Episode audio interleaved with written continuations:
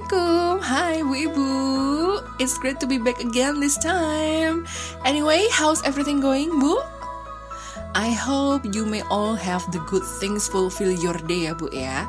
Especially di bulan Februari ini ya, yang banyak orang bilang sebagai bulan penuh cinta. Aduh, kenapa ya? Ya, karena ada perayaan Valentine's Day yang sangat identik dengan hal-hal yang sifatnya uh, romantisme gitu yang berbau-bau cinta. Oh, bau cinta tuh ya kayak gimana ya? Oh, yang semerbak manis harum mewangi gitu ya. Makanya juga ada simbolisasi bunga-bunga mawar dan coklat selama perayaan Valentine's Day. Okay. Anyway, apakah Bu Ibu juga merasa hari-hari bulan Februari ini penuh dengan cinta? Penuh dengan love melulu gitu ya? Atau malah justru merasa gamang? Merasa lagi jauh dari afeksi dari suami atau pasangan atau bahkan mungkin dari anak-anak. Kenapa, Bu? Adakah family problems yang belum terselesaikan dengan tuntas? Padahal seharusnya keluarga itu jadi pilar kekuatan ibu juga ya. Kenapa sih bu? Ada masalah sama keluarga? Ya wis, ya wis, ya wis, ya. Gak usah nangis, cup, cup, cup, cup, cup. Sini, sini, sini bu, sini bu. Let's take a deep breath dulu ya bu ya.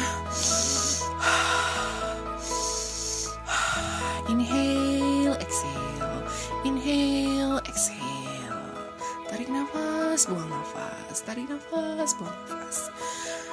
Join forces bareng aku aja ya. Di sini di podcast Bu Ibu bareng aku, Ibu Inong.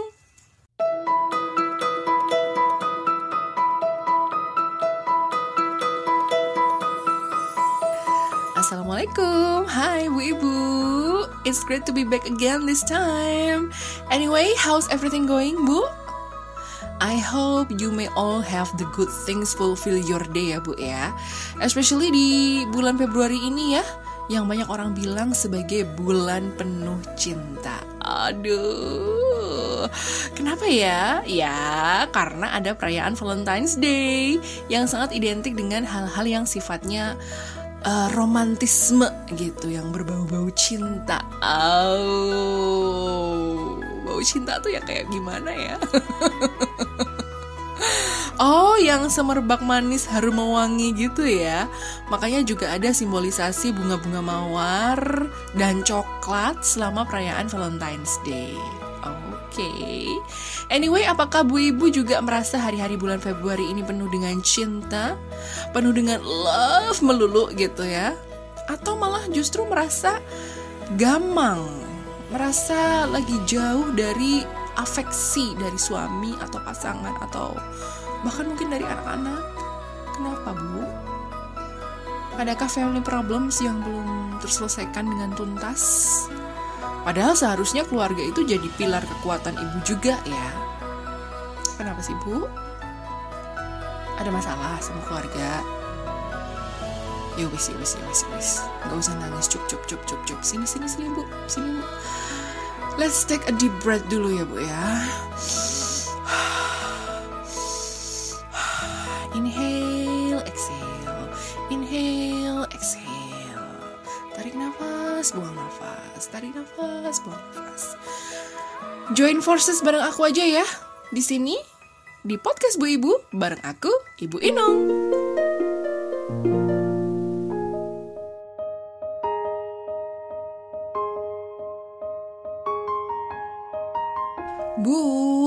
Seiring dengan waktu, keluarga yang kita bangun bersama dengan pasangan hidup yang kita pilih pasti mengalami pasang surut ya.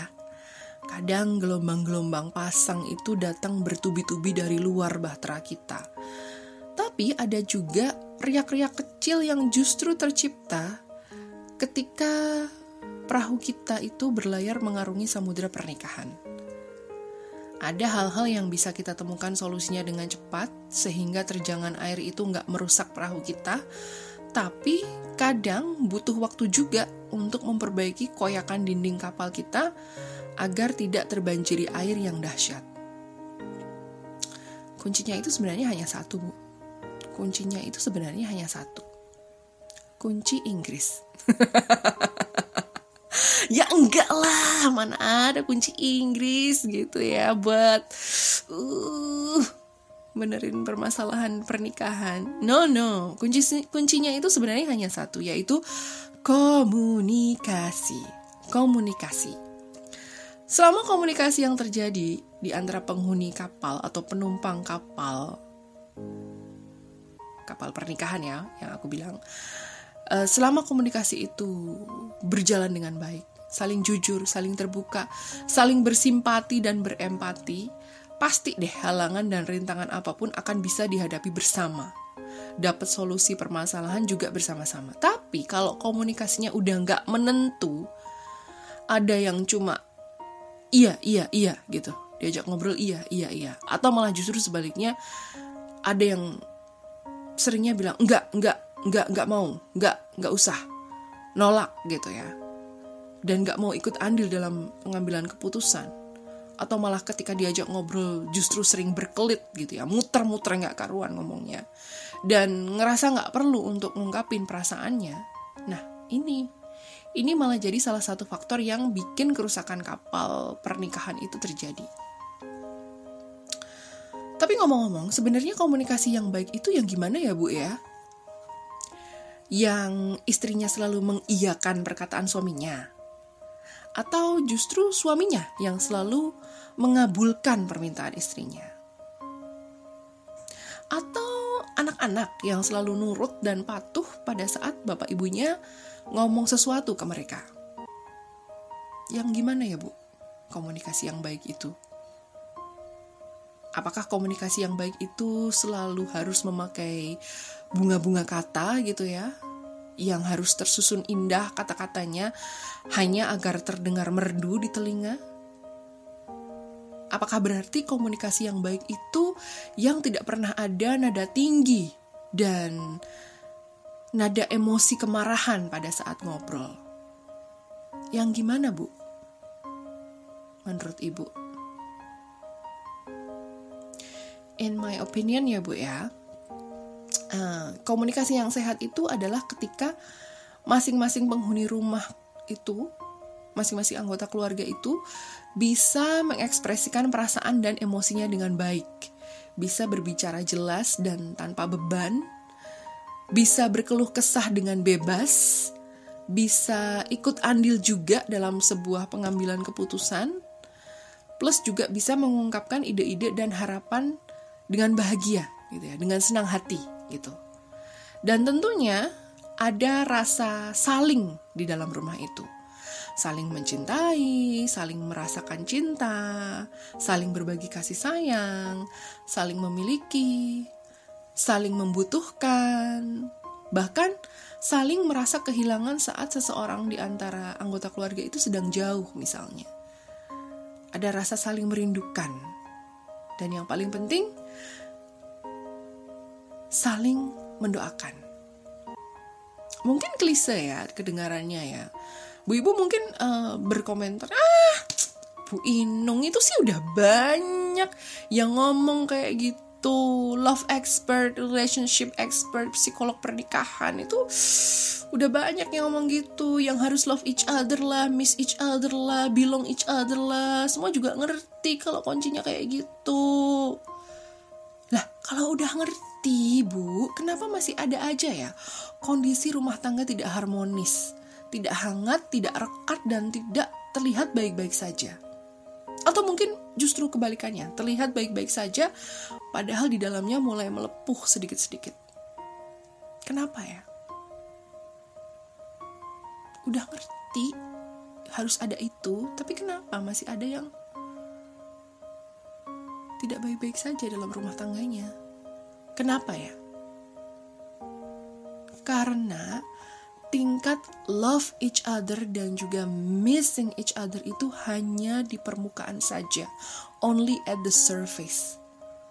Masih banyak loh person-person dalam keluarga yang belum paham benar gimana harus menyayangi, mencintai keluarganya. Masih banyak yang belum mengerti juga gimana sih harus berkomunikasi dengan anak, dengan istri, dengan keluarganya istri, dengan keluarganya suami. Masih banyak yang belum ngerti. Masih banyak juga loh yang masih gagu untuk ngungkapin perasaan hati dan juga emosinya itu secara jujur pada keluarga. Ada yang merasa keluarganya baik-baik saja. Ada yang merasa sudah memberikan cinta dan kasih sayangnya kepada istri dan anak-anaknya itu dengan memenuhi kewajibannya sebagai seorang pencari nafkah, mencari nafkah utama dalam keluarga.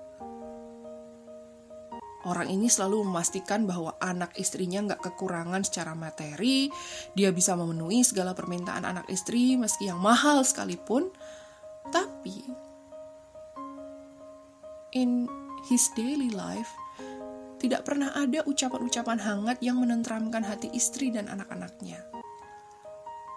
Kelar kerja, pulang, di rumah, dia sudah melihat anak istrinya senyum-senyum happy karena terjamin kebutuhan sehari-harinya buat dia cukup. So, buat apa ngomong-ngomong lagi? Nggak perlu. Yang penting mereka happy. Padahal sebenarnya ada hal-hal yang anak dan istrinya itu ingin ceritakan gitu loh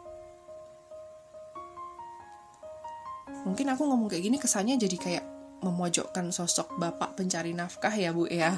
Tapi sebenarnya ini kadang berlaku juga loh untuk seorang ibu pencari nafkah gitu.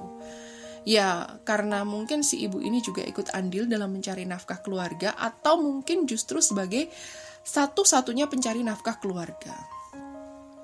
Nah karena predikat ini si ibu itu akhirnya bisa dibilang secara emosional menjauh dari anak-anaknya. Dia merasa bahwa asalkan kebutuhan anak-anaknya tercukupi dengan baik, pangan, papan, sandang, pendidikan, mainan, internet, semua udah oke, okay, gak ada komplain dari anaknya, dia merasa, ya wes, aku sudah menunaikan tanggung jawabku, gitu. Tapi pernah gak sih si ibu ini ngerasa atau tahu lah minimal bahwa anaknya itu merasa hampa karena jarang berbicara hati ke hati dengan ibunya. Cinta yang bagaimana yang akhirnya dirasakan oleh anaknya. Ya, memang gak semua ibu bekerja, ibu pencari nafkah itu seperti itu ya. Aku yakin kok gak semuanya. Bahkan mungkin seorang stay at home mom pun juga kadang lupa bagaimana harus membangun atmosfer love each other itu tadi. Staying home with our kids is hard too anyway. Bersama di rumah dengan anak-anak ya, berada di rumah bersama anak-anak every day, almost 24/7 gitu ya. Itu berat juga loh gitu kan. This is real life ya saya bisa ngomong kayak gini karena saya menjalaninya. Ya beratnya seperti apa sih? Ya beratnya adalah kita harus mengelola waktu gitu. Kita harus mengelola waktu dengan baik memanage waktu itu dengan baik. Dan gak cuma waktu yang kita manage tapi juga anak-anak. Kita harus memanage kerjaan domestik rumah tangga melakukannya setiap hari. Bahkan harus we have to managing our marriage too gitu ya. Ya mudeng kan ya maksudnya kita harus mengelola pernikahan ini gitu. Menjaga supaya api asmara dengan suami kita itu tetap hangat gitu. Ya ini maksudnya stay at home mom itu loh melakukan semuanya mulai merencanakan ini itu termasuk juga aktivitas keluarga. Kemudian well, we also making appointments, masak, udah jelas ya. Yang kadang nggak cuma sekali, tapi tiga kali sehari, sesuai waktu makan, bayar ini itu tagihan, bantuin kerjain PR atau tugas sekolahnya anak-anak gitu. Bersih-bersih, beres-beres, nyiapin anak-anak, entah itu mau ke sekolah, entah mau pergi, entah mau tidur. Belum ditambah kalau ada uh, newborn baby dan masih nyusu gitu, masih asi. dan tiba-tiba ada unpredictable schedule karena semuanya bisa tiba-tiba terjadi ya pop up bisa berubah sewaktu-waktu kayak gitu bahkan yang namanya stay at home mom ini nggak ada break. Nggak punya waktu leha-leha nggak ada waktu me time. Anggota keluarga yang lain tidur si ibu nggak bisa tidur. Even we don't clock out when once we close our eyes gitu kan. For example ketika si anak ini kebangun karena nightmare ya karena mimpi buruk otomatis kita bangun kan ibunya ya kan. Atau misalnya stay at home mom yang masih punya newborn baby tiba-tiba nangis ternyata minta nenen atau pup tengah malam otomatis kita melek bangun gitu kan hal-hal yang terlalu memforsir tenaga baik fisik juga mental, itu pasti lambat laun membuat komunikasinya juga luntur. Emosinya campur aduk, tapi nggak bisa diluapkan begitu aja. Lalu kemudian memunculkan amarah, bahkan mungkin kata-kata yang tidak baik meluncur dari mulut gitu. Nah ini ada juga uh, seseorang yang mau berbagi nih bahwa kadang komunikasi itu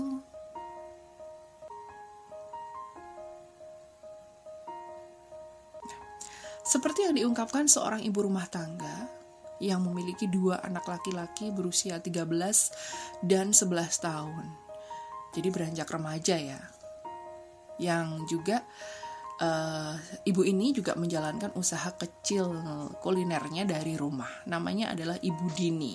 Ibu Dini ini juga seorang homeschooler mom. Jadi bener-bener fokusnya itu terpusat di rumah. Kita denger yuk apa curhatan Ibu Dini.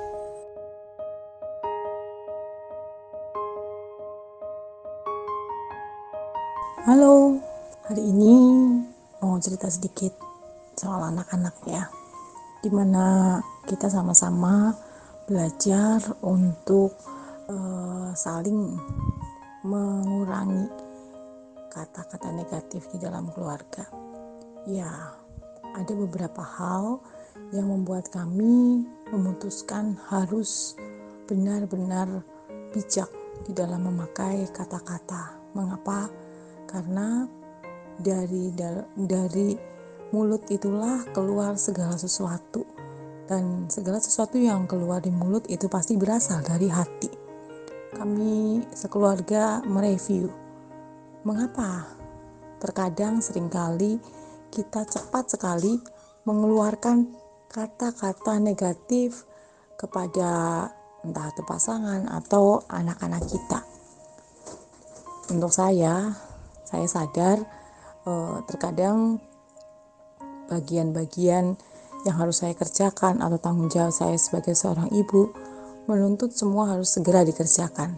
Sehingga ketika saya harus e, mengerjakan semua itu dalam satu waktu yang bersamaan membuat saya tidak bisa apa ya kalau saya boleh bilang mungkin me mengekspresikan emosi saya dengan baik sehingga yang keluar adalah marah.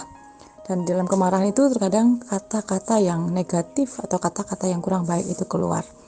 E, dari situ saya belajar ya sebagai seorang ibu bagaimana harus mengendalikan diri. Nah, kalau sebagai ibu kita bisa mengendalikan diri itu akan menolong anak-anak bahkan juga mungkin e, orang-orang di sekitar kita ya atmosfernya jadi ikut terbawa di di edisi podcast kali ini uh, kami sekeluarga mau belajar ya bagaimana menyatakan kasih kami dengan uh, mengurangi kata-kata negatif kami atau lebih memperbanyak kata-kata positif kepada pasangan atau juga anak-anak. Terima kasih.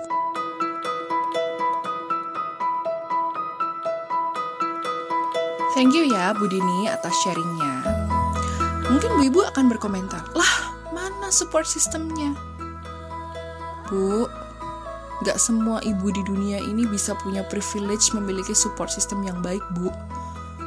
Bahkan untuk membangun sebuah support system yang baik dalam circle kita, itu tetap butuh yang namanya satu kunci itu tadi, yaitu komunikasi.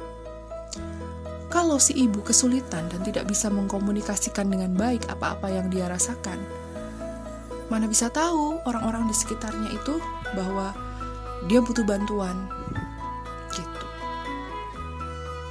Kalau si istri dan anaknya juga tidak pernah mengeluh atas ketidakhadiran bapaknya secara emosional dalam kehidupannya, mungkin si bapak juga nggak akan berubah, Bu. Jadi memang harus ada pembuka ya, ada preambul gitu dalam berkomunikasi. Misalnya dengan uh, merefleksikan pernikahan yang udah berjalan sekian tahun. Apa aja progresnya? Adakah kekurangannya? Adakah perubahan-perubahan perilaku selama menjalani pernikahan ini? Bahkan ketika ada harapan-harapan yang muncul di kepala, ya masing-masing kepala di dalam rumah itu nggak serta-merta bisa langsung terwujud terlaksana kalau tidak dikomunikasikan dengan masing-masing individu penghuni rumah itu. Ingin berkata-kata lebih positif, ingin mengurangi ledakan amarah, mari kita pikirkan bersama. Kita cari tahu gimana caranya. Apa aja sih yang bikin ibu emosi? Apa aja sih yang bikin ibu uh, marah? Ungkapkan aja secara jujur Lalu, gimana ya caranya memulai untuk bisa berkata positif? Bagaimana mulai membangun komunikasi yang efektif? Perlukah love language yang secara tersurat? Ya, secara terucap langsung dari bibir. Bu-ibu bisa utarakan itu kepada bapaknya anak-anak. Begitupun suami dan anak-anak kasih giliran untuk mereka untuk mengungkapkan maunya gimana, baiknya gimana. Biar sama-sama, biar tercipta saling itu tadi. Goalnya apa sih? Kalau aku pribadi sih bu ya, goalnya itu adalah a survived marriage in every single different conditions jadi sebuah pernikahan yang survive dari kondisi yang berbeda-beda. We survive because we love each other. We survive because we belong each other. We survive because we destined to be family and we work hard on that. Mudah-mudahan komunikasi dalam keluarga menjadi baik ya Bu. Pak, Pak, Pak, jangan lupa say I love you juga ya Pak ya. Meski mungkin buat Pak Bapak itu terdengar cringy ya. Tapi kadang Bu Ibu, yang namanya Bu Ibu, perempuan itu terpuaskan loh indera dengarnya dengan ungkapan tulus dari bibir Bapak. Ya. So, ungkapkan aja I love you Bu ibunya itu pasti langsung kelepek-kelepek gitu apalagi kalau dibarengin dengan segepok merah Soekarno Hatta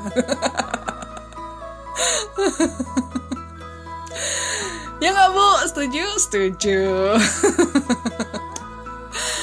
Alright, thank you very much for having me on this episode. Jangan lupa subscribe ya, dan juga follow podcast Bu Ibu di semua platform podcast kesayangan. Lalu, kasih tanda cintanya juga ya. Share juga link podcast ini ke semua bestie-bestie dan juga sohib-sohibnya Bu Ibu. DM silahkan ya ke akun IG at podcast Bu Ibu.